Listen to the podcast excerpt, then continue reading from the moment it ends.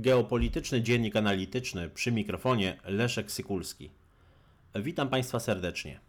Wczoraj, 15 czerwca, doszło do spotkania prezydenta Turcji Recepa Erdoana i prezydenta Azerbejdżanu Ilhama Alijewa.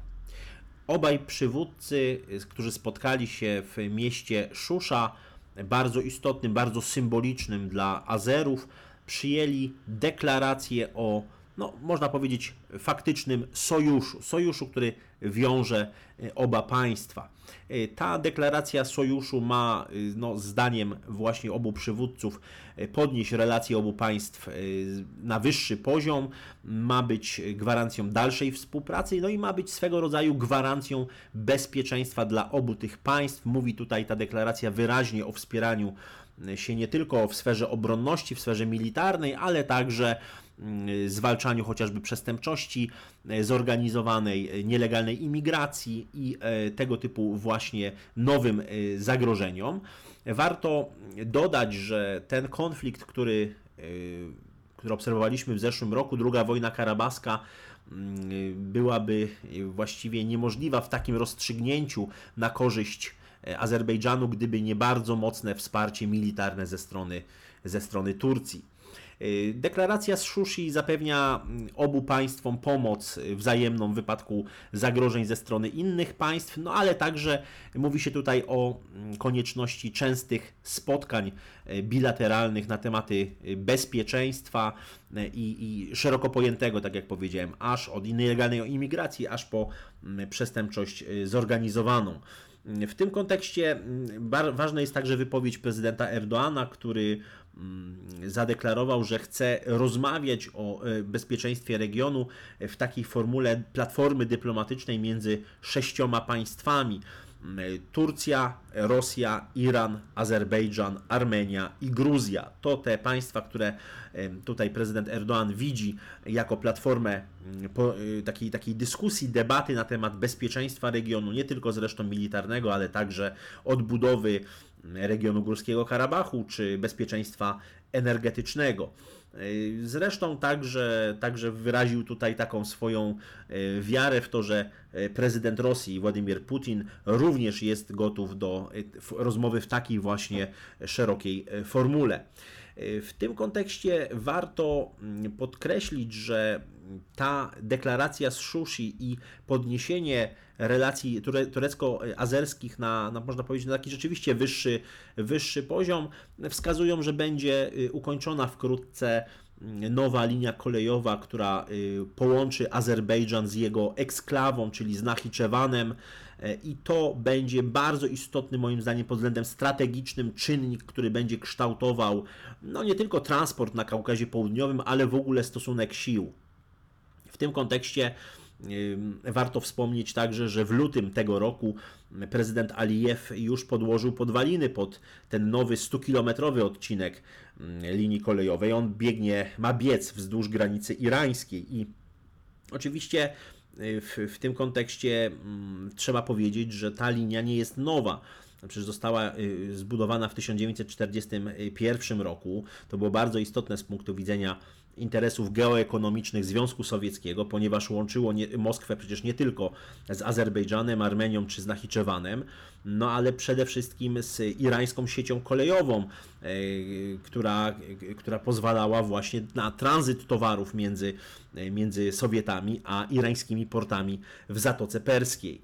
Mm, to połączenie nie działało od 1989 roku i mimo tych y, deklaracji, chociażby tej z, 2000 roku, takiego porozumienia między y, Rosją, Iranem i Indiami, do którego w 5 lat później przystąpiła, przystąpił także Azerbejdżan, ratyfikował zresztą to porozumienie y, i, i, i miano, i, że tak powiem, celem był tutaj, tutaj rozwój międzynarodowego korytarza transportowego północ-południe, to jednak z uwagi na napiętą sytuację i w Górskim Karabachu, i napiętą sytuację w Afganistanie i sankcje nakładane na Islamską Republikę Iranu, no tak naprawdę mocno spowolniły te inwestycje w ramach e, tego korytarza. W tym kontekście Niewątpliwie ta rozbudowa infrastruktury, która łączy Nachiczewan z Azerbejdżanem, jest korzystna nie tylko z punktu widzenia Turcji i Azerbejdżanu, ale także, ale także oczywiście Iranu. No, dodajmy tutaj na marginesie, że w sytuacji tak napiętych relacji, jakie występują między Armenią a Azerbejdżanem, objazd Armenii z, z Azerbejdżanu do Nachiczewanu, no, musiał zakładać trasę przez Gruzję i Turcję, co tak naprawdę no, to jest ponad 800 kilometrów i w sposób niezwykle, niezwykle mocny utrudniało komunikację, transport, wymianę gospodarczą, bardzo mocno podrożało oczywiście transport tym kontekście warto e, tutaj wspomnieć o wypowiedzi e, Mohammada Zarifa, irańskiego ministra spraw zagranicznych, który no, liczy, że tak powiem, że, ten, że ta linia kolejowa Julfa Nachiczewan będzie e, także szansą dla samego Iranu, a zresztą tutaj nawet podkreślił, że dla całego rynku eurazjatyckiego i to jest wypowiedź z lutego tego roku. Warto jeszcze na koniec y, tutaj przytoczyć słowa samego y, Nikoli y, Paszyniana, który, który no stara się robić może, ja bym to tak nazwał, dobrą minę do złej gry. Czyli przedstawiać tę linię kolejową, to połączenie, ten korytarz transportowy jako korzystny dla Armenii, ponieważ no, daje możliwość uczestnictwa w tranzycie między Federacją Rosyjską a a Islamską Republiką Iranu. No, myślę, że mimo wszystko jest to dobra mina do złej gry.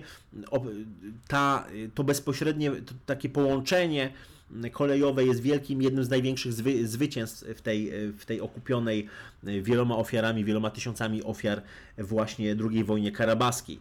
To, co jest warte podkreślenia, to fakt, że ten turecki parasol bezpieczeństwa nad Azerbejdżanem jest roztaczany tuż po spotkaniu e, Recepa Erdoana z Joe Bidenem. E, przypomnę tylko, że Recep Erdoğan bezpośrednio do Azerbejdżanu udał się z Brukseli, z Brukseli, gdzie spotkał się z amerykańskim prezydentem i niewątpliwie jest to bardzo taki mocny sygnał dla no nie tylko Armenii, ale myślę, że całego regionu, że Turcja bardzo, ale to bardzo poważnie traktuje e, sojusz e, i współpracę wojskową oraz gospodarczą e, z Azerbejdżanem i chce w sposób bardzo aktywny mm, tutaj angażować się w nie tylko odbudowę regionu, ale w kształtowanie nowej architektury bezpieczeństwa na Kaukazie Południowym. No a myślę, że tutaj zakusy tureckie są znacznie, znacznie szersze. Warto tutaj zauważyć, że Azerbejdżan zyskuje status takiego, no, można powiedzieć, specjalnego sojusznika y, tureckiego, sojusznika spoza NATO. No, tutaj, jak, jeżeli, miałbym do czegoś porównywać, mm, to na pewno porównałbym to do strategicznych partnerów Stanów Zjednoczonych, takich jak Izrael, Japonia, Australia czy Korea y, Południowa. Niewątpliwie dzisiaj dla Azerbejdżanu ten parasol jest na wagę, no może nie suwerenności, ale na pewno e, integralności terytorialnej e, tego państwa e, i z tą obecnością turecką w regionie muszą się liczyć wszyscy istotni gracze, a niewątpliwie do nich należy czy Islamska Republika Iranu, czy Federacja Rosyjska. Faktem jest, że wracamy do powiedziałbym, swego rodzaju nowego koncertu mocarstw. Wracamy do świata policentrycznego, gdzie regionalne mocarstwa zaczynają się e, układać między sobą i kształtować właśnie, tak jak powiedziałem, nową architekturę bezpieczeństwa międzynarodowego. Deklaracja z Szushi jest takim moim zdaniem jednym z akordów nowego ładu w tym regionie na Kaukazie e, Południowym. Dziękuję Państwu za uwagę.